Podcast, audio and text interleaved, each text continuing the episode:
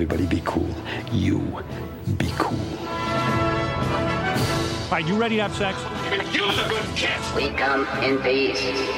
We come in peace. You are the motherfucking Antichrist! We're gonna let you go, okay? Ok. Film er best på radio. I'm gonna make him an offer he can't refuse. Nova Noir.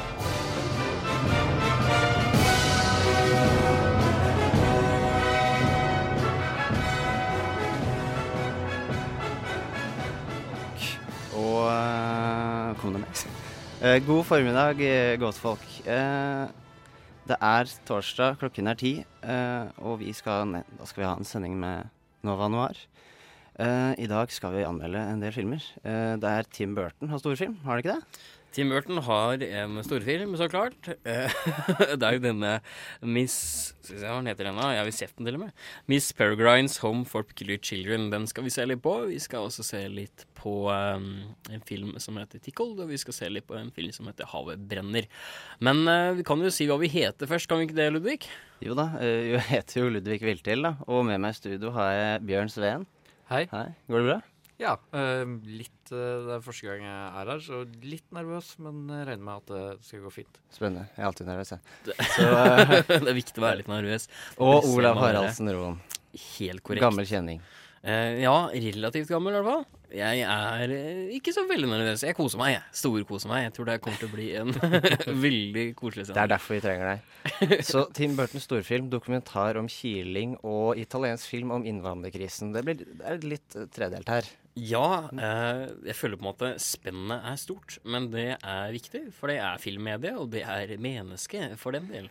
Så jeg føler på en måte Jeg føler det på en måte det, det er en veldig fin måte å starte torsdagen på. Film og bredde innenfor det menneskelige sin. Ja, Og filmene kommer senere. Men vi starter som alltid med filmnyhetene. Men først skal du høre 'Lørdag' av Minuttene der var faktisk eh, sangen, eh, selv om det siste kunne høres ut som en lang jingle eller noe sånt. Noe. Det var eh, 'Lørdag' av Åsen. Det var jo merkelige greier. Jeg får sånn derre Ja, Ja, det var litt men jeg er jo ærlig. Jeg er jo ærlig. Men det er sånn eh, Jeg fikk veldig eh, Litt sånn Dirty Oppland-vibes. Ja, du gjorde det? Eh, I hvert fall den skitten. Ja, jeg tenkte ikke, rappe ikke- rapp generelt. ja. Ikke, Sånn ikke av låta, men litt sånn type um, Den derre humorinnslaget liksom innbrodert i uh, sangen, ja. ja. Veldig. Det er, Det er liksom sånn type Vi må um, Vi må liksom blande rappmusikk med sketsj. For det er en ting man tydeligvis holder på med. Syns det funker bra. Ja. Det skal Ja, det kan funke. Men det var en aldri så liten digresjon. Uh, vi skal over til filmnyhetene.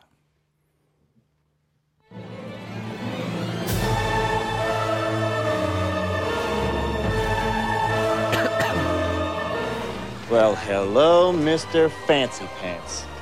I got news for you, pal. You ain't leading but two things right now Jack and Chip. And Jack left town. Nova Noir gir deg ukas filmnyheter. Ja, uh, har du noe Går det bra, Olav? Eh, ja, jeg hoster opp leveren min her jeg sitter, men bortsett fra det så har jeg det veldig fint. Nei. Ja, men du har nyhet òg, kanskje? ja da, jeg har det veldig bra. Eh, jo, eh, det er jo en nyhet man må eh, ta med. Jeg skal ta en kule for laget, hos som det heter.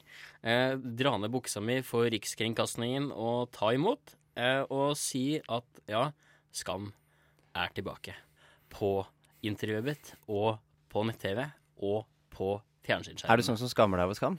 Eh, nei, men jeg føler på en måte at det å snakke om skam i et eh, filmprogram og et, eller på en måte film- og serieprogram er litt sånn som å snakke Dra fram The Matrix, liksom.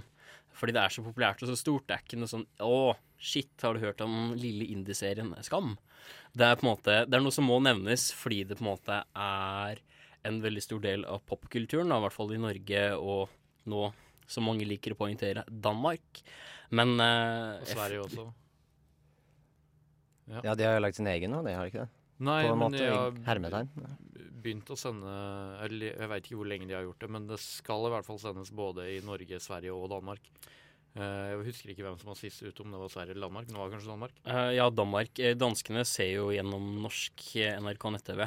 Uh, er vel sånn jeg har forstått det. Men Nei, de det skal, skal eh, lanseres i Danmark. ja, det, ja, det skal, men fram til nå så tror jeg de har sett gjennom NRK nett-TV. Men uansett så var på en måte Skam starta nå på søndag, og det følte jeg på en måte Det må man nesten nevne. Men jeg føler ikke at vi behøver ha en veldig lang diskurs om det, egentlig. Det var bare en uh, apropos. Ja, det er litt Eh, sånn smålig apropos. Sånn, Olav hoster opp nyra si, og Skam starta på søndag. tilfelle Nova Noir-lytterne liksom lurte veldig, så ja, starta på søndag. ja, ikke sant? ikke sant Eh, Bjørn? Ja. har du fisket opp noe? Ehm, ja.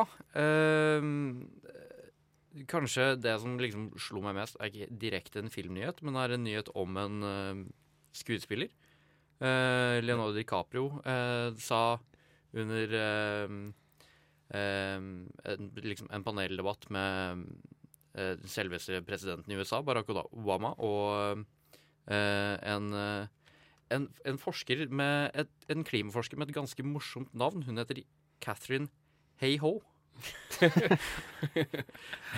Og hva sa han til disse menneskene? Han sa at uh, Catherine Hey-Ho uh, påsto da at eh, alle de som ville dra til Mars, eh, var gale. Eh, hvorpå eh, Leonardo DiCaprio da egentlig sa at da må jeg være gal. Fordi han vil til Mars. Han, han påstod da at han hadde meldt seg på allerede. Det viser seg nok at det antageligvis var en spøk, men han er i hvert fall interessert, tydeligvis. Det er veldig morsomt på noen måter. Altså, jeg føler på en måte at det, det å ville dra til Mars, det høres jo Altså, det er jo på en måte et tveegga sverd. Det høres jo litt fett ut å være den første i en bosetning på en annen planet. Eh, men samtidig så er det jo litt sånn Det er litt ensomt, kanskje. Og det blir liksom stuck der med type ti andre personer. I hvert fall hvis du er første kolonne med mennesker, da. Kanskje, kanskje kan bli den best betalte skuespilleren på en annen planet. Det, det, er, det er jo veldig det jeg henger meg opp i. Er liksom, hva, hvis han flytter til Mars, skal han da bli den første skuespilleren på Mars? Men- er, det, er det liksom sånn derre Bare for å Er det, er det, er det fortsatt den derre Oscar-greia som, som henger igjen? Er han nå, fordi han faktisk har vunnet den Oscaren Nå har han runda jorda. Nå skal han bli den første til å vinne Oscar på Mars. Eh, Han ventet bare på Hadde han vunnet Oscaren for mange år siden, så hadde han vært på Mars allerede, kanskje. ja. Så han Ja. vinner Mars-Oscaren. Ja. Mars-Oscaren til Leonardo DiCaprio, den gleder vi oss til å høre om. Uh, jeg har Netflix-nytt, jeg. Eh, men ikke TV. Nå skal de satse veldig, veldig hardt. De satser på å lage ti svære filmer, som de kaller det. Storsatsinger. Og så skal de bygge 15 luksuskinoer, skriver de. Hvor disse kinoene skal være, eh, fikk jeg ikke med meg om de bare skal være nasjonalt eller hele verden. Men dette høres ut som et prosjekt. Eh, nå er Netflix blitt ordentlig, ordentlig, ordentlig store her. Jeg føler på en måte at det, det er jo en veldig naturlig utvikling eh, for Netflix. Um, altså det eneste måten at de kan måtte dekke større areal av uh, brukermassen, da, er jo hvis de prøver å etablere på en måte eh, et kinomarked. da. Det er jo der også de største pengene kommer inn, gjennom box offices, gjennom folk som går og ser på uh, opening og diverse. Det er der majoriteten av pengene i filmindustrien kommer inn. Så jeg føler på en måte at eh, hvis de vil ha en større del av kaka, så er det et riktig, eh, riktig vei å gå. Og jeg er ikke så overraska over at kapitalistene i Netflix i, måte, benytter seg av den muligheten. Om det blir noe bra, det veit jeg ikke, men det er jo Hvorfor ikke? Det er spennende. Det Kan bli veldig hit or miss. De har jo truffet veldig med seriene sine. Så jeg tenker, hvorfor kan de ikke lage kinofilmer? De har vel penger til å hyre hvem de vil, antar jeg, til å lage dette her. Ja, absolutt. Altså sånn rent hypotetisk så virker det lovende, men man vet jo aldri. Ja, Rent personlig så har jeg kjempetroa på det. De, eh, de har vært veldig flinke til å bruke den informasjonen de har om, eh, om, eh, om, om seerbasen sin, og hva de faktisk er interessert i. Det er, House of Cards er jo nærmest laget på en algoritme. Så, så, brukt ja. i praksis. så jeg har eh, Hvis de tror at det er en god idé, så tror jeg også at det er en god idé. Jeg er såpass, eh, såpass tilhenger av Netflix, eh, om enn ikke av alt de lager. Interessant perspektiv. Så Skam går på, Leo skal til Mars, og Netflix skal bygge kinoer. Det var ukens filmnyheter. Vi skal høre Folk Creek Boys Choir av James Blake med Bon Iver. Høstutstillingen må jo alle dante mennesker se. Visst må de det. Jeg mener man har faktisk plikt til å følge med i slikt. Kulturen er jo i bunn og grunn avhengig av oss, det brede publikum. Visst. Det er morsomt å treffe en kvinne som har gjort seg opp en selvstendig mening. De gode tipsene på Nova Noir FM 99,3 hver torsdag klokken 10.03 til 12. Mm, det lukter mann her. En kvinne bør alltid ha lukten av mann. Ja eh, Lukten av mann. Jeg elsker den ringeren her. Det kan jo fort komme i studio her nå, merker jeg. Ja, men, eh, men vi skal snakke om hva vi har sett siden sist. Ja. Uh, det kan jo være hyggelig. Om tipsene blir gode, det vet vi ikke. Uh, Nei. Altså, altså Hva skal man si? Man kan jo både se dårlige og ikke fullt så dårlige filmer. Slash serier. Jeg kan jo starte, i hei med et eh, eksempel på Hva skal jeg kalle det? Jeg, jeg kan si hva jeg setter igjen først. og så kan vi eh, prøve å komme fram til eh, om det er bra eller ikke etterpå. Uh, The Shannara Chronicles har jeg sett litt på. Bjørn ler fordi han vet hva det er. Ja, Eh, jeg har uh, forsøkt å se på det. uh, Jeg hørte om det av deg eh, senest i går. Og tidligst, faktisk. I går også. Så Ja. hva er dette her? Og jeg syns jo på en måte rammeverket er ganske finurlig og litt festlig. Fordi eh, verden er jo en sånn postapokalyptisk fantasy-alvegreie. Som er sånn derre Å, i sånn type etter mennesket, eller måte vår sivilisasjon har gått under, da. Sånn type med biler og på en måte ruiner og sånn fra vår sivilisasjon som ligger igjen liksom i skogen og sånn, da. Så lever det alvor, da, og folk som går rundt med liksom eh, Med sånn klassisk fantasy-outfits og er eh, på en måte ridder og diverse, da, i på en måte den postapokalyptiske verden. Så det er egentlig litt sånn eh, Det er en veldig ny twist på det hele. Det er, det, det er eh, ja, ny twist og ny twist. Det der er jo en ganske gammel fantasy-serie. Det er en av de mest eh, elskede fantasy-seriene som, som finnes også. Jeg har faktisk lest to av de bøkene. Jeg husker ikke noen ting av dem, men, eh, Men latter- men det er veldig mange som synes at det er jævlig bra. Latteren virka litt hånlig. Ja, akkurat mot serien. Ja. Eh, all respekt for, for bokserien, selv om det kanskje ikke falt helt i smak for meg og alle de som elsker den. Eh, men, men serien altså hadde jeg veldig lyst til å like. Eh, jeg veit ikke, Hva var ditt inntrykk, eh, Olav? Um, jeg var vel sjuk da jeg begynte å se på det, og da tar man liksom Hvis man er sånn feber Litt feber hjelper. Litt sånn feber, så godtar man en god del uten å Man kan fortsette en god stund, da. Men det gikk til et punkt i episode fire hvor det bare var sånn Det her ble for dumt. Uh, men samtidig så syns jeg jo at universet og enkelte skuespillere Det er jo denne eh, ja, mm, eh, Mani Bennett, han som spilte Assog i Hobbiten. Og han også spilte i Beastmaster og Sena Warrior Princess og litt forskjellig. Um, som er en sånn badass dude som er skikkelig kul. Er han animert her eller? Um, nei, eller det er jo animasjon i, så, i en del av, um, del av serien. Men han er jo um, Han er jo liksom ja, IRL characters og diverse. Det er Men den samme fyren som spilte Krigshus i Spartacus, er det ikke det? Jo, riktig. Ja. Riktig, riktig. Der Uh, var han. han er jævla badass. Skikkelig rå. Han Så- var skikkelig kul. Så, han, så så, tipset ditt er å ikke At du ikke skal se på det? Ja, men nei, nei, nei. Altså, jeg tror nok mm, en god del Hvis du har lest bøkene, så kan du sikkert sette pris på serien. Uh, og hvis du vil se på en litt sånn type young adult-aktig uh, fantasy-serie, så finnes det nok dårligere alternativer. Det vil jeg påstå. Så jeg syns den var helt grei. Uh, men sjekk den ut sjøl. Ligger på HBO. Helt uh, Ok. passe. Ja, eh, litt eh, sånn dobbel, eh, dobbeltips. Eh, jeg har noe å anbefale sterkt. Jeg så en gammel eh, klassiker som heter The Battle of Algiers. eh, for i starten av uka. Har dere hørt om den? Eh, nei, jeg har ikke Den er fra 1966. eh, og det som er interessant med den, er at yrkesmilitære folk anser den som en av de mest realistiske militærfilmene i verden. Hmm. I hvert fall for urban krigføring. Eh, og nå eh, Den handler altså om uh, algereres opprør mot franske makten på, på 50-60-tallet. Kult. Eh, og det som er interessant med filmen, er at den har filmen i seg selv er veldig bra, så det er bare å dra og se den. Men den har blitt relevant igjen for mange sånne urbane militære typer. Fordi nå har jo sånn, hva kan man kalle det, arabisk eh, urban krig kommet litt tilbake igjen. Da. Eh, ja, definitivt. Eh, så da har de blitt brukt igjen da, hos enkelte sånne camper og sånne ting. Tøft. Ja. tøft. Ja. Det er eh, Så Battle of Algiers, eh, se den. Spennende. Hva har du da, Bjørn? Eh, jeg har sett ferdig Luke Cage allerede. Det kom jo ut forrige torsdag. Og det, det, det slutta egentlig ganske dårlig for meg. Jeg begynte å se på det uh, sammen med romkameratene mine. Tok en øl og slappa av uh, og så første episode. Uh, men jeg greide jo ikke å slutte der, så jeg så en episode til. Og da tok jeg jo en øl til.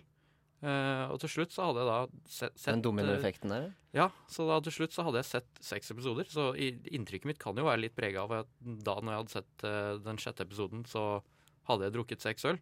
Ja, det er viktig at du Eh, påpeker det, sånn at du ikke får noe ja, men eh, jeg blei da altså skikkelig brisen eh, der jeg satt. Men altså Men hva gjorde det med serien for, din del? Altså, jeg, jeg veit ikke helt, for jeg, jeg så det jo Jeg så jo de siste seks-syv episodene edru, og jeg syns det var dritbra da òg, men Men altså Alt i alt, det er en sterk anbefaling. Det det personlig, det er min, eh, etter min smak, så er det noe av det råeste jeg har sett av en serie på lenge. Det kan jo Hva er det det handler om? Jo, det um, er jo da en av de her Marvel-seriene. Det er um, det, Altså, det er jo planlagt en sånn her uh, en uh, Avengers-aktig Netflix Marvel-helt-serie som skal hete The Defenders.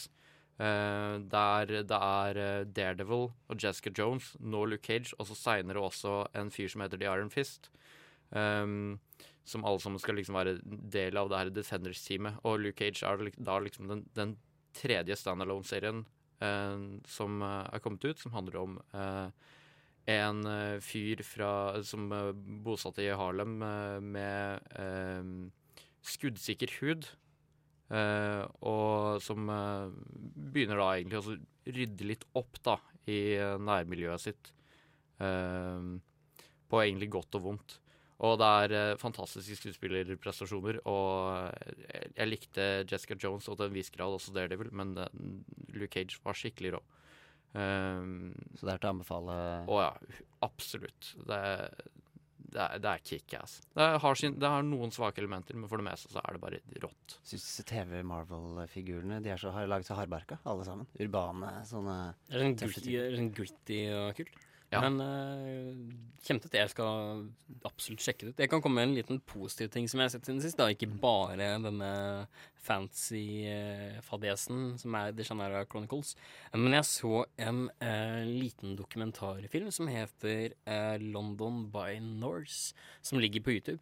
eh, som handler om eh, Ja, det er en Ivar Bjørnson eh, som er gitaristen i Enslaved, og Einar Sellevik, eller Kviteravn, eh, som er eh, hovedmannen bak Vardruna, men også ekstrommusikk Gorgorot. Vi befinner oss altså i metallmiljøet her. Ja, riktig metall slash ambient folk. Em, fikk i oppdrag av den norske stat å lage en eh, 200-årsjubileumsplate for frigjøringen. Um, for litt sånn type sømme opp em, litt sånn kulturelle ting i løpet av disse 200 åra.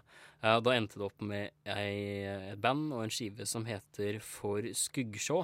Um, og den kom ut da i april, uh, og nå har uh, det blitt laget en liten dokumentar da, om denne prosessen, da, og hva som ligger bak sånn rent um, tankemessig bak plata og prosjektet. Og den er veldig spennende, altså, den videoen. Føler du at det her kan nytes lettere eller bedre om du er innad i sjangeren?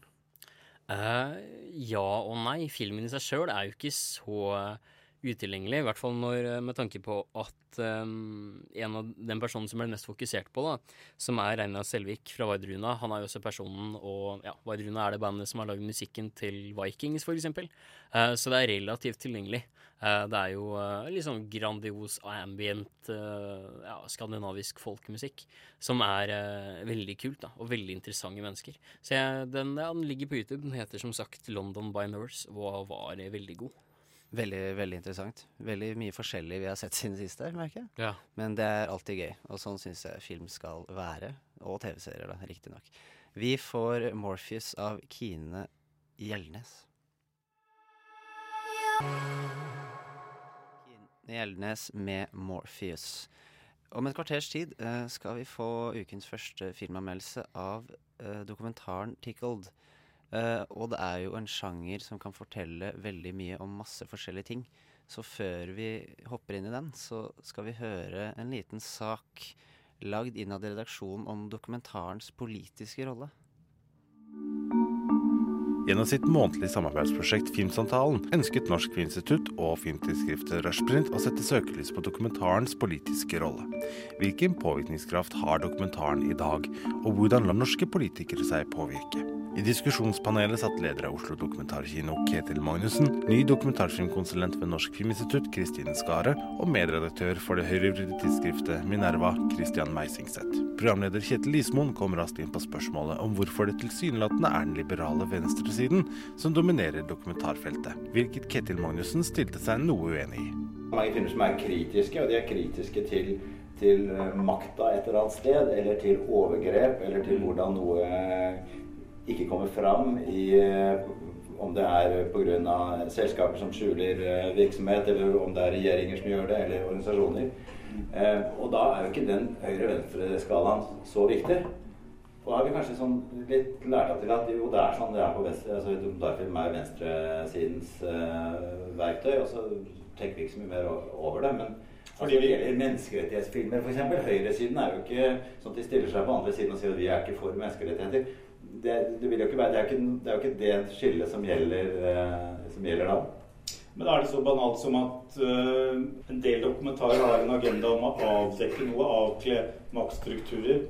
Og maktstrukturer består ofte av noe konserverende konservativt. Altså, jeg vil jo si sånn som for eksempel de andre da, av Margrethe Olin. Hvis den er kritisk til noe, så er det jo sosialdemokratiet. Så det er klart at Margrethe Olin kritiserer jo ikke fra høyresiden. Men det er på en måte ikke høyresidens asylpolitikk som er kritikken der. Mm. Som, som det rettes kritikk mot. Eh, og jeg tenker at det er jo helt åpenbart en myte at vi, bare fordi man er kritisk til det bestående, så er man på venstresiden. Det er tullete. Altså de som er Altså Norge i dag er liksom et uh, Det er jo sosialdemokratiet som har hegemoniet. Både Høyre og Frp slutter liksom i all hovedsak opp om de sosialdemokratiske løsningene. Samtidig som det er et liberalt samfunn på mange måter. Men når man kritisk til det bestående i Norge, så kan man like gjerne være på høyresiden. Nå kan jeg si, altså Det har vært en saying i dokumentarfilmbransjen så lenge jeg har vært der, i alle fall, at eh, idealisme er eh, profesjonelle dokumentarfilmens største fiende. Og det har kanskje mer å gjøre med at altså, kanskje det er sånn at venstresiden er mer villig til å eh, jobbe eh, gratis for sine idealistiske eller politiske mål. da. At det har vært viktigere for dem. Men altså, at det er noe de har gjort på tross av manglende finansiering. Eh, og dermed også på mange måter slått bena under den profesjonelle bransjen som vi kanskje alle sammen ønsker oss. I came walking, getting train, getting bus, running from police, shooting. I saw people was dying, and now they want to send me back. I 2009 innførte den norske regjeringen flere tiltak for å begrense innvandringen. Et av tiltakene var å gi enslige asylsøkende barn midlertidig oppholdstillatelse, før de så skal returneres til opprinnelseslandet ved fylte 18 år. Med sin siste film 'De andre' rettet filmskaper Margrethe Olin oppmerksomheten mot de Norge anser som brysomme unntakstilfeller, og satte temaet ubønnhørlig på dagsorden. Der hun stiller spørsmål ved hva som skjer når vi bryter med de etiske grunnprinsipper. Samtidig er det andre deler av den norske virkeligheten som blir skildret på TV eller film, som ikke skaper oppmerksomhet og blir glemt. Setter den norske dokumentarfilmen ofte nok dagsorden? Film i det hele tatt setter jo veldig dagsorden, selv om det ikke er alltid så tydelig. Film er det som skaper vår, vår forståelse av verden. Det er ikke alltid så lett å se den umiddelbare effekten. Noen filmer gjør det. Noen filmer setter dagsorden. Blir det som sier hva som kommer på nyhetene. Altså det har vi sett, øh, Jeg kommer på en amerikansk film, den 'No End in Sight' om Irak-krigen, som kom ut, og så lagde den overskrifter i alle amerikanske medier og i, i internasjonale medier utenfor USA. Men det er jo effekten over tid. altså Det der bildet du får av verden, som setter seg, som kryper inn, som Bowling for Columbine gjør, og som en rekke andre dokumentarfilmer har gjort, og gitt deg, legitimert noen tanker, gitt deg noen referanser, gitt deg en mening, kanskje provosert fram en mening i deg, som er med på å forme din mening og, og samfunnet. Jeg, jeg syns også f.eks. Margrethe Olins 'De andre' er en veldig, veldig fin film. Et problem med den er at den også er så tydelig i hvor synd det er på disse barna. Det eneste moralsk riktige standpunktet når man ser den filmen, er jo at det er helt uansett feil å sende ut barn. Jeg, jeg tror det, det, det, det, er nesten ingen norske politikere som vil gå for en sånn løsning. Og da, da blir det for meg også mindre politisk relevant. Jeg syns det er en veldig fin film, men den mister litt politisk Men slagkraft. disse filmene er så tydelig. Altså hvis du skulle være Det du sier kan misforstås sånn at du vil være mindre klar på hvor du står hen. Altså Jeg opplever disse filmene som gode nettopp fordi de er tydelige på hvor de står hen. For det gjør det lettere for meg å ta stilling til det. Jeg må ikke være enig med dem nødvendigvis. Eh, Det å prøve å være mer, altså nøytral i forhold til det, eller være mer åpen, det vil jo være at, kanskje også at du blir mer utydelig som formidler. Da, og gjøre det litt vanskeligere å ta stilling til hva du egentlig mener. Og da vet jeg jo ikke helt hva de bildene du viser, hva, hva de er for noe. Hvorfor har du valgt de? Hva er de? Så jeg vil jo si at en, en tydelig kunnskaper er, er bedre og lettere å forholde seg til. Politikere bruker ofte dokumentarfilmen som et verktøy, enten det er utenrikskomiteer, helse- og sosialkomiteer etc. Programleder Kjetil Ismoen avrundet debatten med å spørre om dokumentarfilmens påvirkningskraft på det norske politiske landskapet, noe Meisingseth stilte seg skeptisk til. Nei, det er vanskelig å si. sant? Altså, Olin sin film, de andre kan jo gi stemningsskifter osv. Som, som, som, gjør at, eh, som gjør at det politiske snur. Det er litt som tyder på det nå. Selv om det har fått massiv oppmerksomhet. Og de sier alle, de fleste som ser filmen, er sikkert på, sånn, på verdi- og følelsesnivået ganske enig med det hun uh, forteller. Men så, og det var også det jeg prøvde å si i starten, at hvis altså, i Minerva og Civita for å jobbe med politisk endring, så tror jeg ikke dokumentarfilm er liksom det mest effektive. Det er utrolig mye mer kjedelig enn det. Og det må eh, også befinne seg mye nærmere den politiske mainstreamen enn det en del av de dokumentarfilmene gjør. Det tror jeg også svekker på en måte påvirkningskraften at det er så radikalt annerledes enn det det politiske Norge står for i dag. Og da er det fryktelig vanskelig å påvirke. Jeg tenker Hvis jeg skulle gitt et råd, så er det sånn typisk foreslå noe mye mindre radikalt og være mer presis. Vær, vær litt, altså, sier du ikke egentlig det var litt kjedeligere? Jo, mye Litt kjedeligere. mer Politikk, politikk er stort sett ganske kjedelig og pragmatisk. Ja. Altså, dokumentar- det handler jo ikke alltid om å være enig eller uenig. Altså, filmen er jo nettopp et sånn kunstnerisk uttrykk som kan gi oss en menneskelig erkjennelse som ligger langt over høyre eller venstre eller for eller imot. Det er jo det som er så fint med film. FM 99,3 og radionova.no. Ja, Det stemmer. Uh, vi fikk nettopp høre 'Round and Round' av Ariel Pink. Uh, og før det hørte vi litt om hvordan politikk og dokumentarer går sammen. Uh, og nå skal vi høre litt om en annen dokumentar. Det, blir, det blir en anmeldelse, men det er ikke en kinopremiere. For den har vært ute, og den er å finne på nett i Norge nå. Og den heter 'Tickled', som uh, du, Tage, Ja. og tekniker, har sett.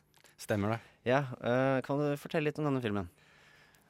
Så gutter, hva slags forhold har du til kiling? Eh, meget ambivalent forhold til kiling, egentlig. Altså, eh, hvis bakgrunnen er å skape glede, moro for alle sammen, og involverte i kilingen, kan settes pris på baktanken, men fenomenet i seg selv utført på meg, ikke veldig positivt. Jeg satser meg på den. Veldig glad i å gjøre det på andre. Eh, hater å bli kilt. Hva sier du da til å være med på eh, Endurance eh, Tickling Contest, som denne her dokumentaren eh, for så vidt handler om? Det høres veldig, veldig rart ut. Det er, jeg skal forklare litt mer hva det går inn i, men jeg tror vi kjører trailer, for at den beskriver veldig godt litt stemninga i den dokumentaren. Det er veldig rare greier. I've made a career out of looking at the weird and bizarre side of life. It's quite a kick. So when I discovered a strange video online, I knew I'd found my next story. Competitive endurance tickling. It was one of the strangest sports I'd seen. So I told Jane O'Brien Media I'd like to do an interview. Instead of getting a yes or no, I got this. Association with a homosexual journalist is not something we will embrace. Shame on you. Little gay Kiwis. Regards, Jane O'Brien Media. Eh, engasjerte australiere og litt sånn homofobisk eh, du, eh, kommentar på Ikke, slutten her. ikke, ikke Australia, det er fra New Zealand. Å, det er New Zealand. Å, er- sorry. Det er stor forskjell. Little gay kiwis. Vet nå kommer det så Nå ser jeg for meg i morgen Så kommer det en gjeng med folk fra New Zealand og tar en hakka utenfor døra di. Ludvig. Hvordan våger du å Forsiktig der. Ja. forveksle de? Man trenger kodekort for å komme inn her på huset, så jeg tror jeg bare blir her. Jeg. Kanskje resten av livet. Ja, men Som dere hørte, så er det han, eh, en journalist som heter David Farrier. Uh, han er litt sånn Jeg vet ikke om du har hørt om Louis Theroux fra England? Mm. Han er litt sånn der, eh, journalist som dykdypper inn sånne rare subkulturer og sånne ting, og lager sånn litt sånn pop journalism av det. Mm. Uh, han, eh, Dokumentaren starter med at han forteller som du hørte i traileren, at han kom sånn tilfeldig over en sånn endurance tickling-video på Facebook. På en eh, side som heter Jane O'Brien Media.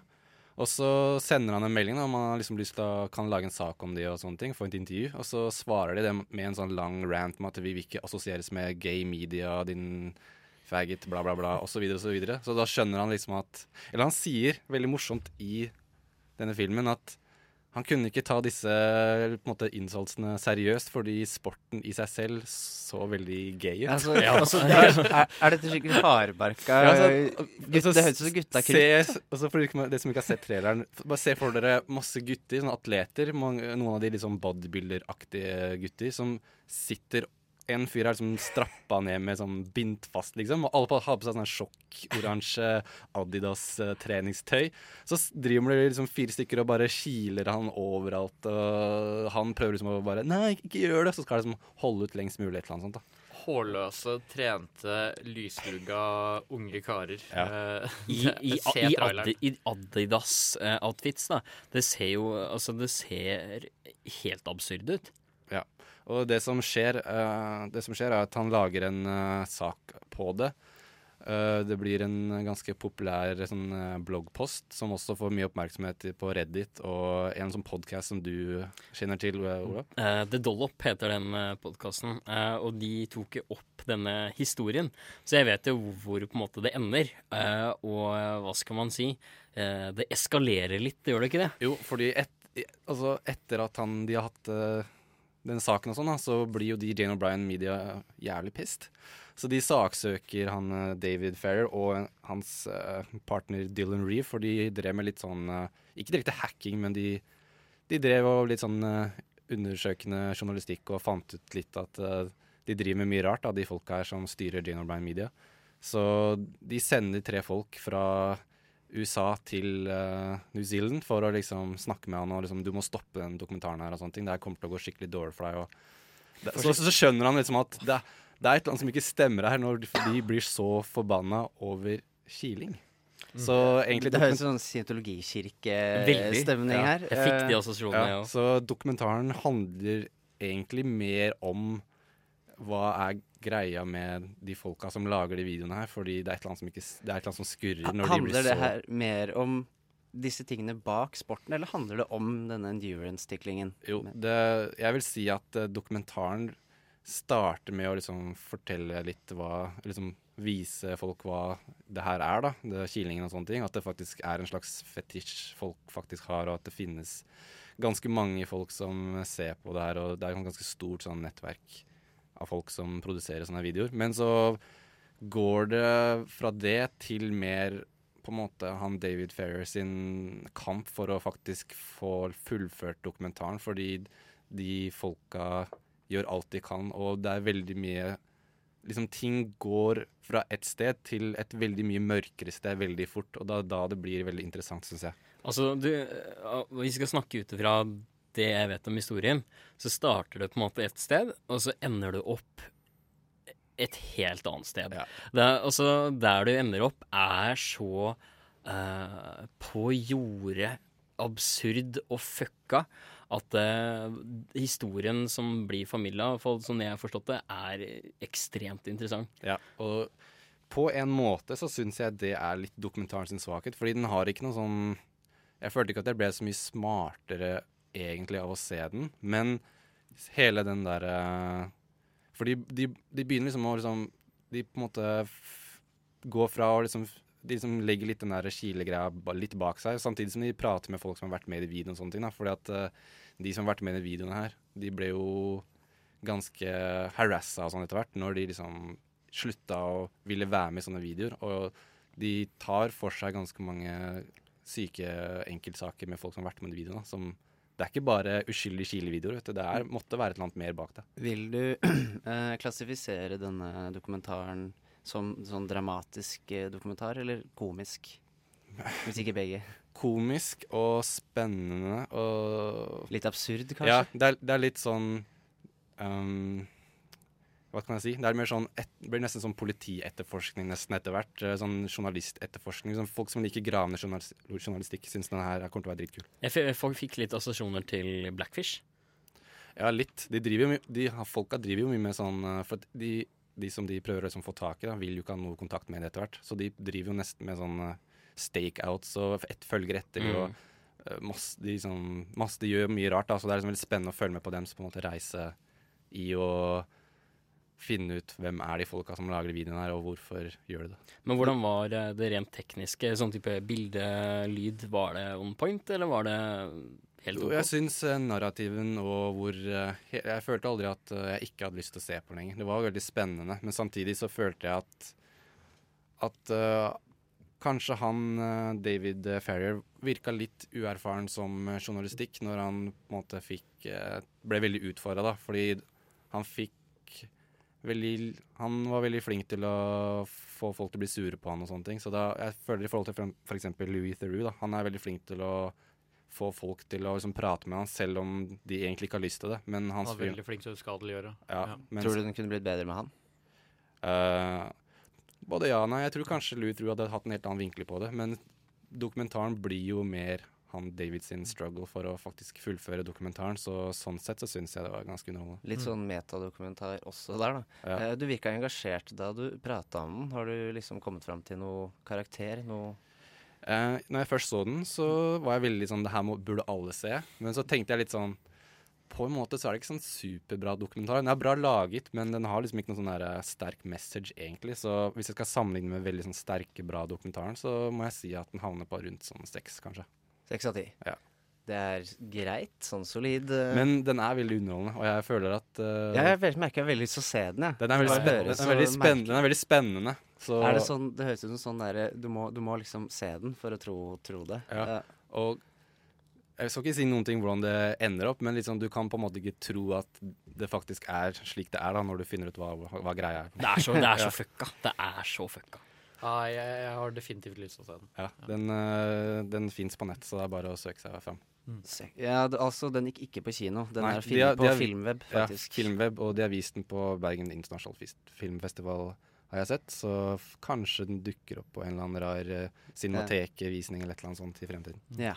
Uh, men per dags dato Filmweb, altså. Seks av ti til Tickled. Nå får du høre Love Rain Down av Mondo Freaks. Det var uh, Mondo Freaks med Love Rain Down. Uh, vi skal litt innom uh, Erik Poppe, som lagde Kongens nei nå. Uh, Simen Andresen i redaksjonen er fan og har lyst til å lagde en liten sak for oss denne uka her om filmen hans 'Tusen ganger god natt'. Erik Poppe er for tiden aktuell med Kongens nei, men i dag så vil jeg gjerne snakke om hvorfor du bør se hans forrige film, 'Tusen ganger god natt'. I 'Tusen ganger god natt' så møter vi krigsfotografen Rebekka, spilt av Juliette Binoche, på oppdrag i Kabul. She's a photographer. She goes to places where there are problems, places the rest of the world doesn't care about. I saw Mom's picture on the internet. You know your mom is made of very tough stuff, and she always makes it through.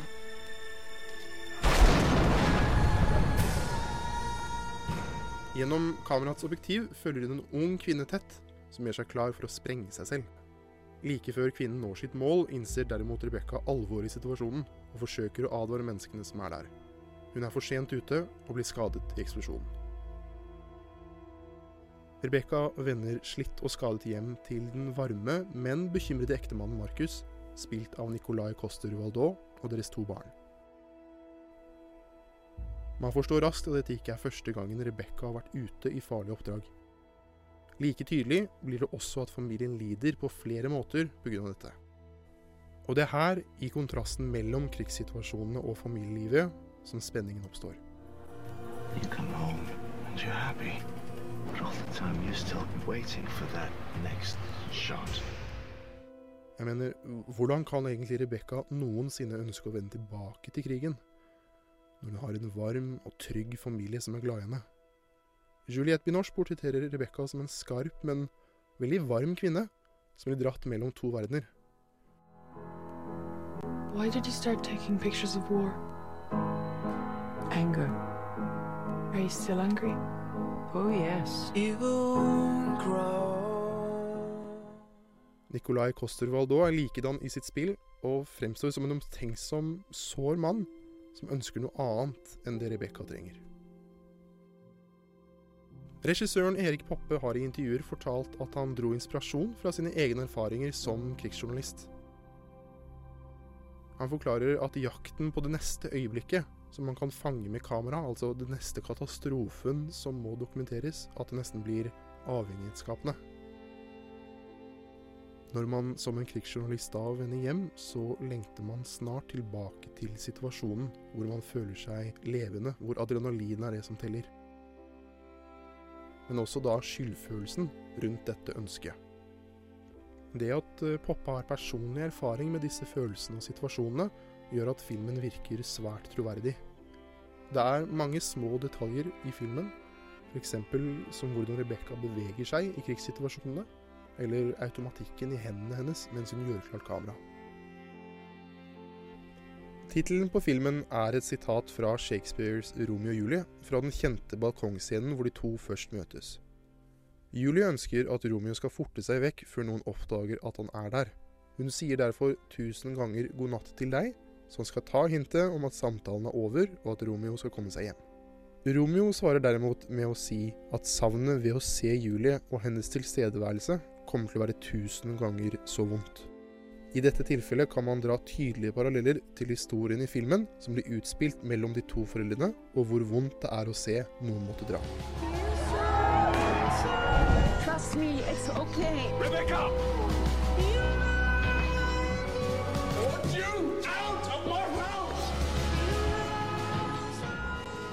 Det er nok få av oss som vet hvordan det egentlig er å være en krigsfotograf.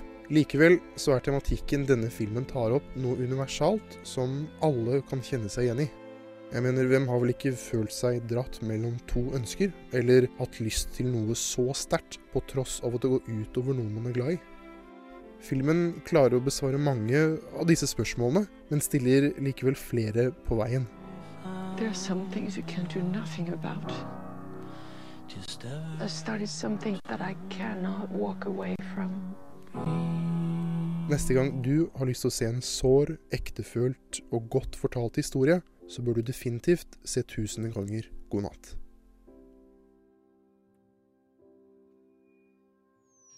Det var Diskobeistet med 'Blåser kaldt'. Før det fikk vi en anbefaling av filmen 'Tusen ganger god natt' ved Simen Andresen. Eh, snart skal Olav eh, eh, anmelde den nyeste Tim Burton-filmen. Ja, Eh, det, jeg skal nevne, prøve å mene noe om eh, Miss Peregrines Home for Peculiar Children. Mm. Men jeg tenkte jo, eh, nå som vi eh, befinner oss ved Tim Burtons 18. storfilm Skal vi snakke om de 17 tidligere? Det- Eller ikke alle, men karrieren opp til dette punktet her, da. Ja, tenkte jeg. Det er spenstig, fordi jeg vet jo for eksempel at uh, Bjørn har jo litt meninger om Tim Burton. Altså det, det, det, Tingen med Tim Burton er jo at jeg er aggressivt likegyldig, nesten. Altså, jeg blir konfrontert med Tim Burton i hytt og pine, og det bare treffer meg så absolutt ikke. Uh, så det er ikke nødvendigvis at jeg, at jeg, jeg hater Tim Burton. Uh, det er mer bare det at jeg, jeg er veldig trøtt på det. Det er ikke min estetikk. Det er den derre eh, lilla lilla spiralen eh, som er litt sånn ujevn. Jeg, jeg, jeg, altså, jeg, innser at folk elsker det, men jeg, ser altså ikke greia. Jeg får inntrykk av at du syns den er litt gammelt nytt. Ja. Og det gjør jeg òg, fordi jeg likte jo han best på Altså Ed Wood fra 94 er min yndlingsfilm av han. Da også, liker da, for da, er da også Johnny Depp syntes det var gøy å være skuespiller, Mm. for så vidt. Eh, og så eh, Og så har du jo Jeg syns liksom siste sånn ordentlig bra var Big Fish, og da snakker vi 03, tror jeg. Big Fish var Big god. Fish er Ja. en- Og så, altså. og, så, og så begynte liksom de Charlie Sjokoladefabrikken-greiene. Og så bare lagde Men, sånn, men sånn jeg må uh, rare ting. adde en film som kom ut i 2014, som heter Big Eyes. Som er en sånn type kalla Det er jo en fiksjonsfilm, men samtidig så er det basert på en historie om en kvinnelig kunstner um, som var kjent for å lage Eller som er kjent for å lage bilder med barn og veldig store øyne, sånn der veldig sånn anime-aktig, Mm. fra sånn 60-tallet, 60-70-tallet ish. Uh, men uh, mannen hennes tok liksom alt arbeidet hennes og alle pengene hennes og all glorien fra hun da. Og den filmen var overraskende bra. Og det er en sånn film du sitter og ser på, og bare, ja, det her var OK pluss-aktig. M- Men det var ikke sånn Tim Burton karikert til helvete.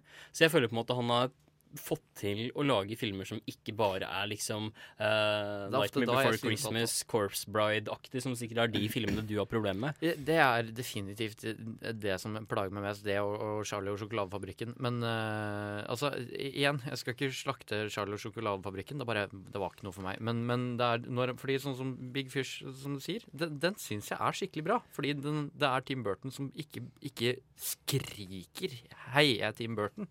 Jeg tror grunnen til at vi er enige om den, og fordi um, Og Ed Wood, som jeg liksom vil snakke mer om. At vi er enige, Olaf, at den er basert på et ekte menneske. Og da kanskje han burde gjøre mer av det. Mm. Basere det på ekte mennesker, og så spesielt litt sånn litt halvrare folk, da. Mm. Men lage litt sånn mellommenneskelig historie for det. Jeg, altså, Det er, ja, han er jo altså, utvilsomt flink. Ja, nettopp. Definitivt. Men eh, at karrieren, det som er skummelt nå, da, med at uh, vår nyeste filmen er hvordan karrieren hans har dabbet, og at han virker litt lei, rett og slett. Det er det skumleste, syns jeg. Uh... Ja, altså jeg er jo på mange måter enig. Nå har det holdt på i 31 år, og jeg tror på en måte veldig mange føler at de vet hvor de har han. Så tror jeg kanskje han også kjenner på det at han er litt defimert. Han har liksom vært han har Piken hans er nådd, da, kanskje. Eh, og da ja, Jeg kan jo forstå det. Det blir litt sånn rullebåndsmentalitet kanskje på dette punktet. Jeg veit ikke. ja, eh, vi kan si det. Og det liksom Jeg sjekka litt sånn på nett og sånn, hva liksom kjernefansen han syns og sånn. Det er jo veldig mange som liksom har dabbet av det der, Eller er forbi det stadiet hvor de forsvarer han. Mm. At nå er det mer på det punktet at de håper at det neste skal bli bra. Mm. Og det er, aldri det er aldri det du vil av eh, fanbasen din, eller av de ordentlige fansene dine. Nei, ikke sant. Ikke sant. Uh, så ja, det, er, det gjenstår å se. Uh, vi skal høre 'Great People This Future', og så skal Olav komme med sin dom.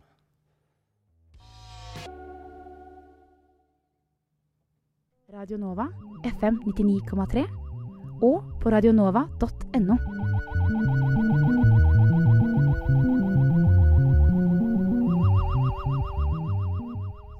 Future med Great People. Uh, vi reflekterte nettopp litt rundt uh, Tim Burton, vi. Det fordi vi på, ja. Dette er vel unektelig den største anmeldelsen vi har i dag, eller som flest kommer til å se. Uh, og du har jo vært og sett denne nye Miss Peregrine og resten av tittelen. Ja, Miss Peregrines Home for Peculiar Children er vel full, fulltittelen. Det er jo en adaptasjon av en bok um, som er ganske populær i diverse. Uh, ja, og nå skal vi rett og slett få uh, anmeldelsen av den.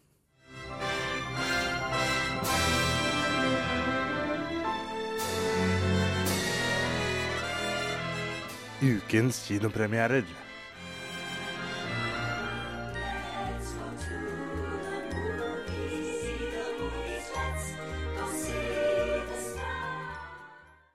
På overflaten, hva dreier denne filmen seg om? Jo, eh, Jacob sin bestefar han går bort på mystiske vis, og da åpner det seg en eh, ja, mystisk, snodig ny verden på både godt og ondt. Jake, right on time. Miss Peregrine, delighted to meet you. He's invisible. Of course. We're what's known in common parlance as peculiar. It's a recessive gene carried down through families.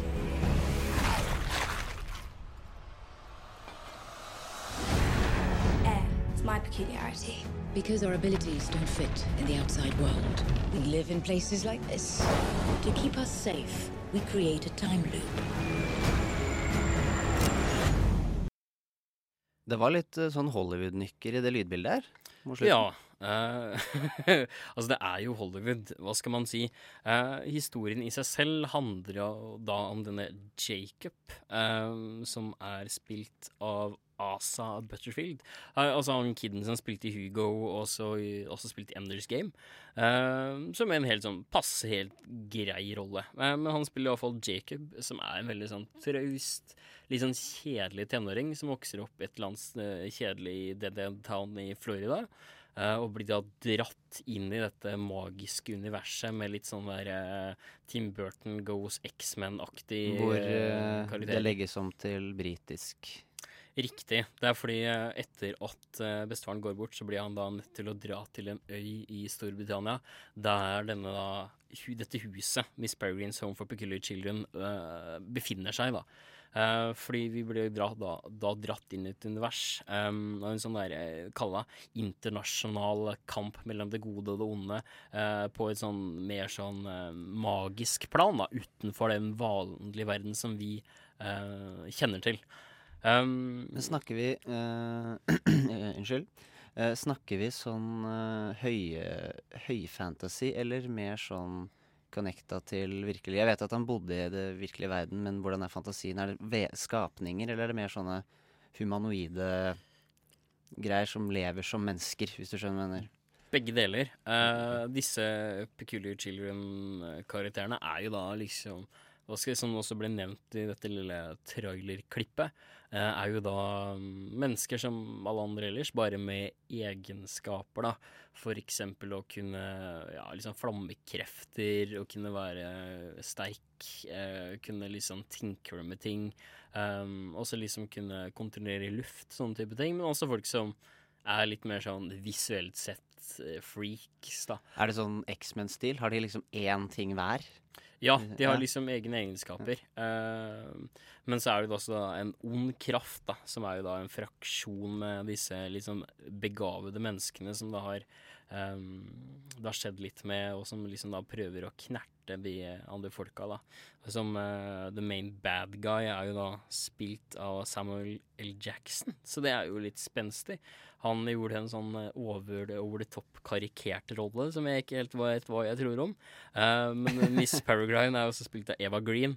Eva Green er jo flink. Jeg føler at hun fikk jo veldig lite screentime i denne filmen, som jeg syns egentlig var litt dumt. Selv om hun er tittelrollen? Ja. Det- eh, fordi hoved, hovedfokuset i denne serien er jo da å følge Jacob og hans rolle da i dette nye universet, også sammen med disse barna. Og, eh, og det starter liksom med at han blir dratt inn i universet, skal liksom prøve å forstå det. En veldig lang intro- introduksjon. Jeg satt i kinosalen og tenkte shit, den introen her var tullete lang. Når skal vi liksom get to the point? Og når vi først måte kom til poenget, så var jeg sånn shit, oi. Introduksjonen som jeg syntes var for lang, var jo for så vidt egentlig det beste ved filmen. For når vi først kom dit, så ble det så Det er så mye hull i um, universet og i teoriene, og du bryr deg så lite om um, om karakterene, men også om det scenarioet som ble lagt opp. da. Det er det jeg syns er mest eh, frustrerende med historien. Vi Den har så lite å komme med. Vi snakket jo litt i stad om at du var redde for at uh, stilen til eh, Tim Burton har dabbet litt av, eller at mannen selv har dabbet litt av. Eh, og nå har det kanskje skjedd igjen, da, høres det ut som. Ja, og historiemessig så er det jo basert på en bok. Eh, jeg syns jo ikke at historien var noe særlig god. Den var liksom run of the mill fantasy-shit. Jeg syns ikke det var noe særlig. Eh, rent visuelt, som er det Tim Burton er mest kjent for, så var det jo eh, etter min mening veldig sånn schizofrent. Eh, det var Det var liksom ikke bra, det heller? Eh, Nei, jeg, jeg synes det var så, det var så De fikk ikke bestemt seg helt hva det skulle være. Uh, til tider så var det veldig pent. Veldig sånn type um, gode bilder. Uh, bra Kalla Veldig gode farger. Um, relativt bra props og kostymer. Men plutselig så kommer det en scene da med litt sånn, ha, sånn half-ass 3D-animasjon som bare er crusha inn med dubstep-musikk, liksom. Så det var bare så Det var så tatt ut av ræva for å prøve liksom å feede en sånn ADHD-generasjon med kids, da. Jeg følte på en måte at det var så um, Det var så det var så lite gjennomført. Jeg føler på en måte at stiluttrykket, både når det kommer til det visuelle, men også til scoren, da, det vi hørte her, var jo veldig sånn da, type typisk Hollywood-aktig grandiost med strykere. Men så plutselig så er det elektronika, og så plutselig så er det liksom Det var så mye Det var ikke noe flyt i det hele tatt. Jeg syns det var eh, Og så er det så langt. Den, den er jo over to timer lang. Og så er det ingen substans. Jeg syns det er eh, Jeg syns det er eh, kjedelig.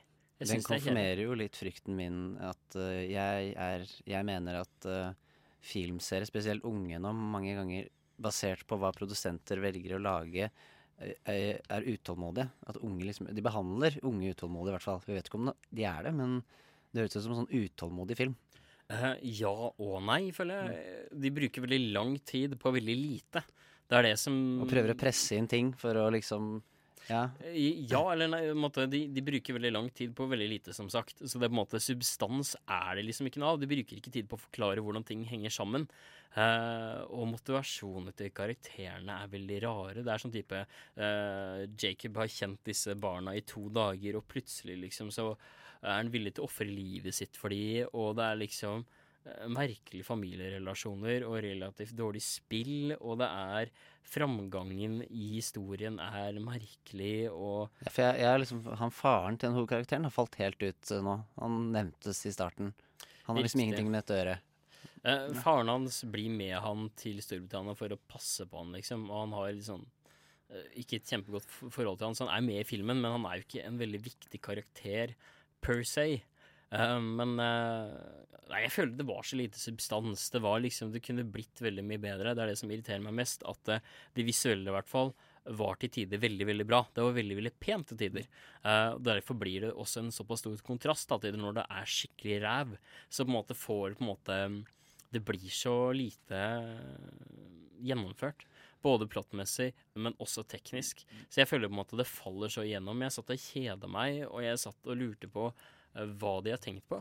Jeg syns det var Jeg synes de undervurderte publikum når det kommer til hva, hvilke konsepter, da, selv om det er, bas, er på en måte laget for ja, 12 til kanskje 16-17, så føler jeg på en måte publikum hadde fortjent mye mer, da, og en mer gjennomført filmopplevelse.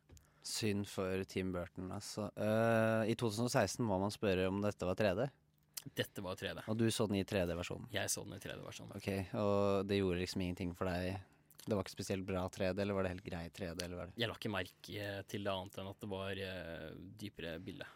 Ja, sånn som det Jeg føler det er sånn hver gang. jeg. Uh, men eh, summa summarum, hva kom vi frem til om Miss Peregrine? Uh, som sagt, eh, for lang til å kunne rettferdiggjøres. Eh, Bruker for lang tid på alt. Uh, Unconsistent både visuelt og historiemessig. Så veldig mange hull. Uh, jeg syns den var uh, kjedelig. Jeg syns den var uinspirert. Jeg syns den hadde veldig mye å gå på, og irriterer meg at den hadde potensialet som den ikke benyttet seg av. Jeg gir den ja, fire av ti. Fire av ti. Ja, det var eh, Jeg tenkte det skulle bli enda dårligere der. Nei, synd for uh, Team Burton, ass. Eh, lykke til eh, neste gang. Du får 'Child' av Annalene and the Orchids.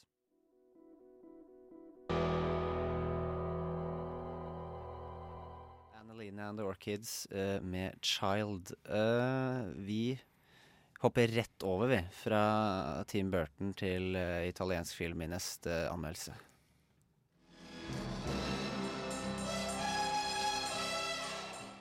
Ukens kinopremierer.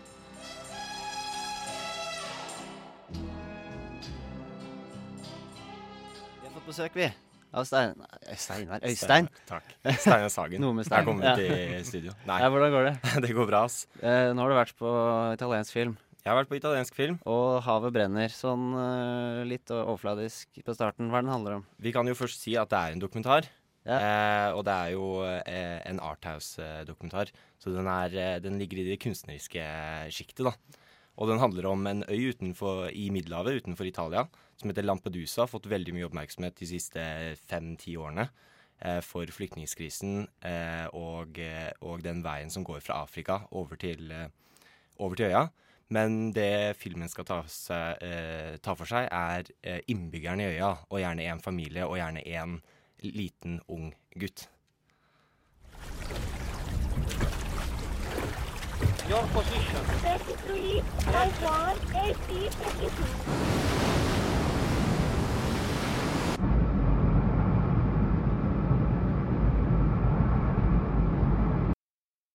Jeg reagerte selv på dette lydklippet i går. Altså er det, my det er mye hav ute. Det er faktisk et ganske godt lydklipp, eh, fordi eh, som eh, Dette er jo ikke noe David, David Attenborough-dokumentar. Det er en Nei, eh, litt det. sånn kunstnerisk dokumentar. Det er ikke noe, det er ikke noe fortellerstemme.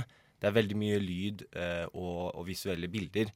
Eh, og den følger jo, den følger jo denne familien eh, gjennom en liten periode med innslag da, av, eh, av eh, denne eh, eh, redningsaksjoner av flyktninger.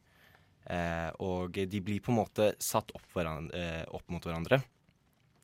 Det som binder alt sammen, er små karakterer utenfor familien. Det er en radiovert, og det er også en lege. Legen han hjelper både flyktninger og, og den unge gutten, fordi den unge gutten har en, har en øyesykdom som heter ampliobia, om jeg klarer å si det riktig. Det betyr egentlig bare at et av øynene ikke eh, er helt eh, godt koblet med hjernen, sånn at han må eh, ha en lapp da, over øyet. Så han, han skjeler, basically. Okay. Eh, og det er egentlig den eneste spenningen som skjer hos han gutten. Eh, den eneste frem, fremgangen. Du, eh, det er jo en, en film om tilstanden til øya, på en måte. Eh, Er det en slags antologi eh, som vil si at eh, du tar for deg flere mennesker etter hverandre? Eller- Nei, den følger denne gutten. Eh, også gutten har forhold til bestemoren og faren. Faren er fisker. Eh, og han går rundt på øya med kompisen sin og gjør bare helt dagligdagse ting. Og det, er, eh, og det er de dagligdagse tingene som skal på en måte sette eh, hvordan på en måte tilstanden er på øya. Fordi selv om denne flyktningkrisen er der, så, så prøver den å vinkle det mot at øya, øyboerne eh, har eh, på en måte en sånn status quo-tilstand. Det, det skjer ingenting der. Er det liksom, Tror du det er for å illustrere um, at uh, liksom selv denne lille, at dette lille lokalsamfunnet ikke blir for sterkt prega av Mm. Flyktningkrisen? Det er det jeg tror. Eh, og, og de gjør det på en veldig De gjør det jo på en god måte. Eh, jeg synes at eh, Jeg synes at flyktningene får for lite rom i filmen. Jeg synes denne krisen er så enorm at den blir, de blir for neglisjert. Eh, men det syns jeg er også vanskelig med det formatet, er jo at det er jo helt objektivt. Det er jo helt opp til regissøren hva han vil vinkle eh, filmen mot. Så han har sin fulle rett til å bare filme tilstanden til øya. Men dette er jo snakk om en øy hvor, hvor 48 det er, det er 8000 innbyggere på øya. Og i en periode på tre måneder i 2011, nei hele 2011, kom det 48 000 flyktninger. Det var det jeg lurte på. Er det mange fastboende flyktninger der i filmens løp? Nei, fordi film, filmens løp eh, har delt det. Eh, altså, den filmer bare familien, og så filmer den eh, redningsaksjoner. Ok, Etter Eh, hverandre eller oppi hverandre? Oppi hverandre. Ok. Eh, og på en veldig visuelt god måte. Det er jo dette som er bra med filmen, vil jeg si. Fordi du sa kalte Arthouse-dokumentar. Da tenker jeg at den ser litt estetisk ut som en fiksjonsfilm, men er en dokumentar. Det er veldig godt beskrevet. Eh, fordi den er estetisk veldig vakker. Eh, og eh, eh, Eller vakker som den øya kan bli, da. Den øya er ikke så veldig fin. men men filmen, filmen gjør den relativt fint. Og det er mye eh, fine havbilder, og spesielt noen av de sekvensene mellom redningsaksjonene og øya, hvor de liksom bytter, så er det en del fine sånne eh, visuelle greier. Den er regissert av en som heter Gianfranco Rosi, og et spørsmål som jeg hadde var Er han deltakende filmskaper med disse menneskene, eller er han sånn flue på veggen-type? Det er flue på veggen. Det er derfor jeg sa også at den er, den er veldig objektiv. Og det er vanskelig å kunne kritisere den for å ikke eh, stille mer spørsmål. Da. For eksempel i 2015 så døde det 1600 personer fra Afrika På Lampedusa? eh, til Lampedusa. Altså, Ja, ja, eh, på veien. Ja, på veien. Og det er, gjør den til den dødeligste flyktningruten i verden. Og eh, derfor syns jeg også at eh, regissøren har på en måte neglisjert Fordi de, det er jo noen Når de eh, eh, filmer eh, en redningsaksjon, så er det jo sånn 16 døde personer på den båten. Men men, Unnskyld. Ja, men de får ikke, de får ikke den oppmerksomheten de burde ha fått, da, kanskje, føler jeg. Eh, Riktig, men sånn filmkunstneriksmessig så er jo sånn flue på veggen-dokumentarskapelse en egen måte å uttrykke seg på. Mm. Men du syns det var noe etisk eh, At han Rossi det var, e- gjorde noe etisk dårlig her, eller? Nei, det er, det er det som er vanskelig, da. Fordi, eh, fordi eh, For ja, som du sier, det er jo en egen sjanger. Eh, og det er jo en film eh, Det er jo en eh, kunstnerisk dokumentar. Så, så de gjør det de skal gjøre, de har sagt de skal gjøre, på en god måte. Men når jeg tenker på det her med eh, at du følger den gutten, og så er det, For du bruker jo veldig store tall eh, når du Mm. snakker liksom om, eh, om, frykt, om flyktningkrisen. Så, det, altså, så du, du får ikke det inntrykket at, at det er en, en juksaposisjonering. Altså, det er liksom en direkte sammenligning mellom Her har du verdien av ett liv. Her har du liksom denne gutten og hans liv. Og så at det er sammenligning mellom liksom det er Stalin-sitatet at eh, en død er en tragedie og en million død eh, Statistikk. Er statistikk, ja. Mm. Eh, at det rett og slett liksom er Altså, tenk på at hvert, hvert eneste ett av disse menneskene som tar del i den statistikken, har et liv på linje med den gutten her.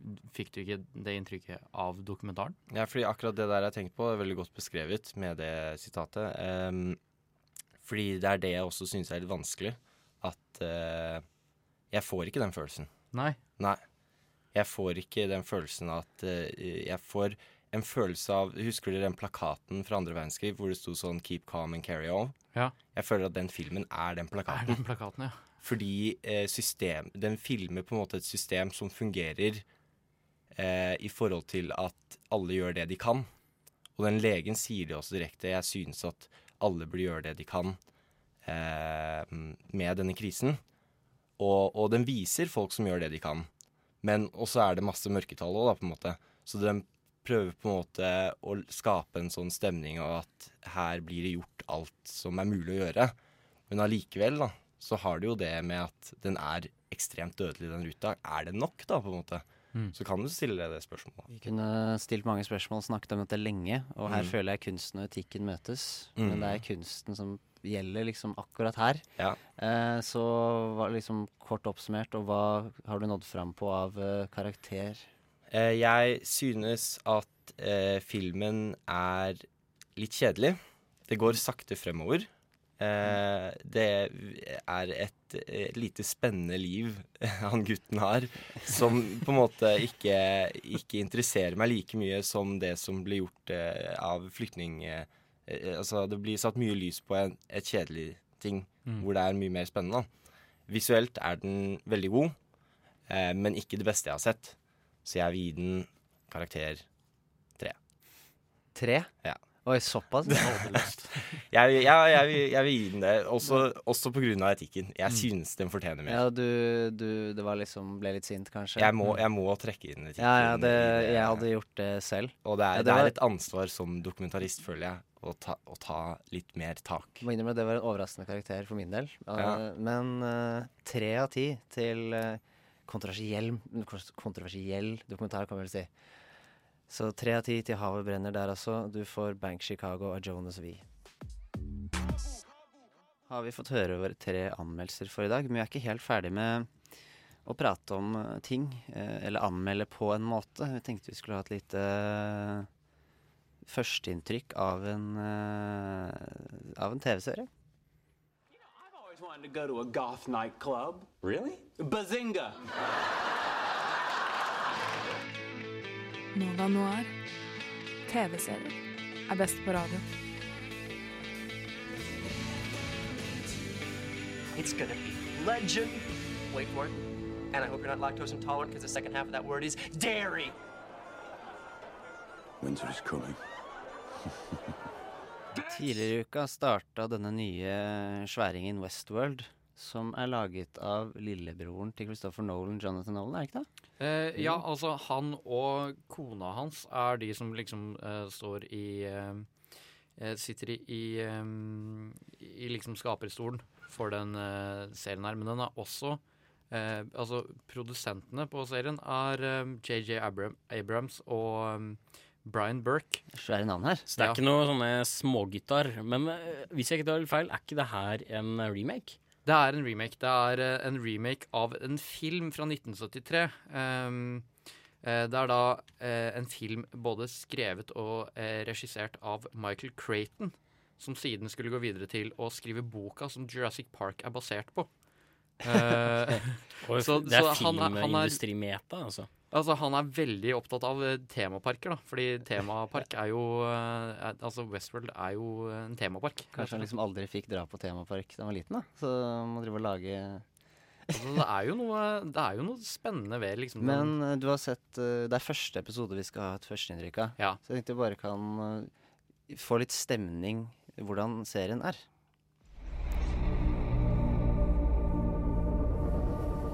Welcome to Westworld. No orientation. No guidebook. All our hosts are here for you. In this world, you can be whoever the fuck you want. Are you real? Well, if you can't tell, does it matter? En eh, temapark uten guidebook høres da veldig rotete ut. Mm. Det er eh, altså Det er eh, Det får du ganske godt inntrykk av første episode også. Det er nesten perverst, eh, den, det nivået av liksom frihet som du har i Westworld. Og som, du, som, som, som traileren egentlig liksom gir en veldig god Altså Traileren er en veldig god guide til første episode, fordi traileren stiller veldig mange spørsmål.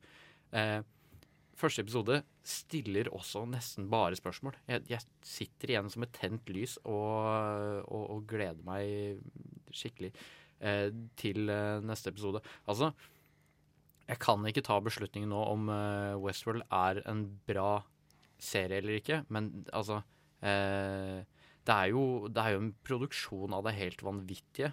Men var det det lille du fikk inntrykk av, hva er det det går ut på? Greit nok, det er en fornøyelsespark, eller hva jeg skal kalle det, eh, som man kan gå inn i og, som det ble nevnt i trailerne, være litt hvem man har lyst til å være, da, og sånn frie tøyler til å gjøre hva det vil.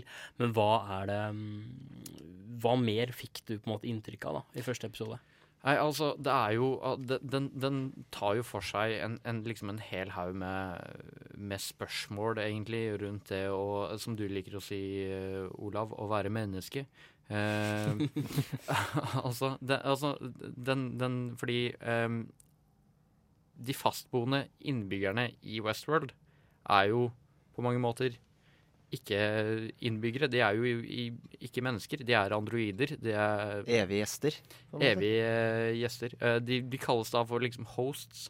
Som liksom Altså, er, de er vertene, og så betaler da um, vanlige mennesker eller vanlige og vanlige. eh, Betaler da mennesker for å liksom komme inn i deres verden, og så er de ferdigprogrammert eh, med eh, storylines og dialoger og sånne ting.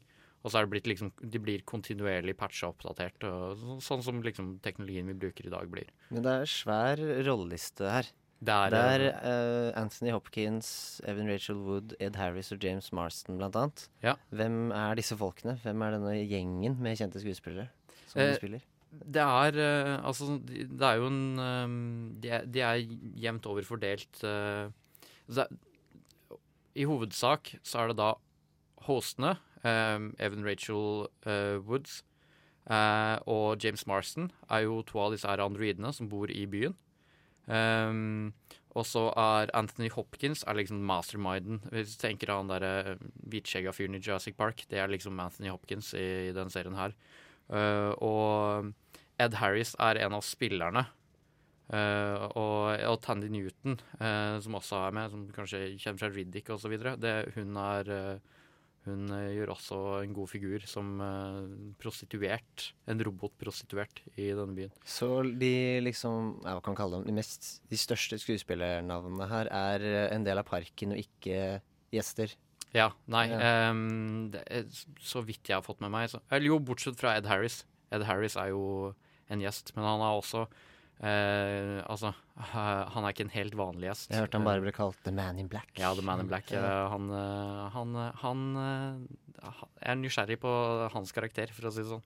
Absolutt. Og så virker det som det er ganske stort fokus på, på dette med AI igjen. da, ikke sant? Om bevissthet, om hva som er mennesker. Litt sånn Ghost in the Shell-aktig. Mm. Uh, fikk du noe Og der igjen da, igjen at disse store skuespillerne faktisk spiller AI, og at AI-ene ikke er en sånn type second tier um, karakterer i narrativet. da. Uh, men hva fikk du av inntrykk når det kom til det rent etiske som finner sted i serien? Nei, den er jo Fordi det er jo, som jeg nevnte det her med at de kontinuerlig liksom blir patcha og oppdatert. Um, altså Det blir veldig tydelig i, uh, i, i Westworld. Altså, fordi de har starta som bare som robotverter, liksom. Bare som, uh, altså, som vanlige roboter. Og så har de kontinuerlig blitt forbedra i løpet av en 30-årsperiode.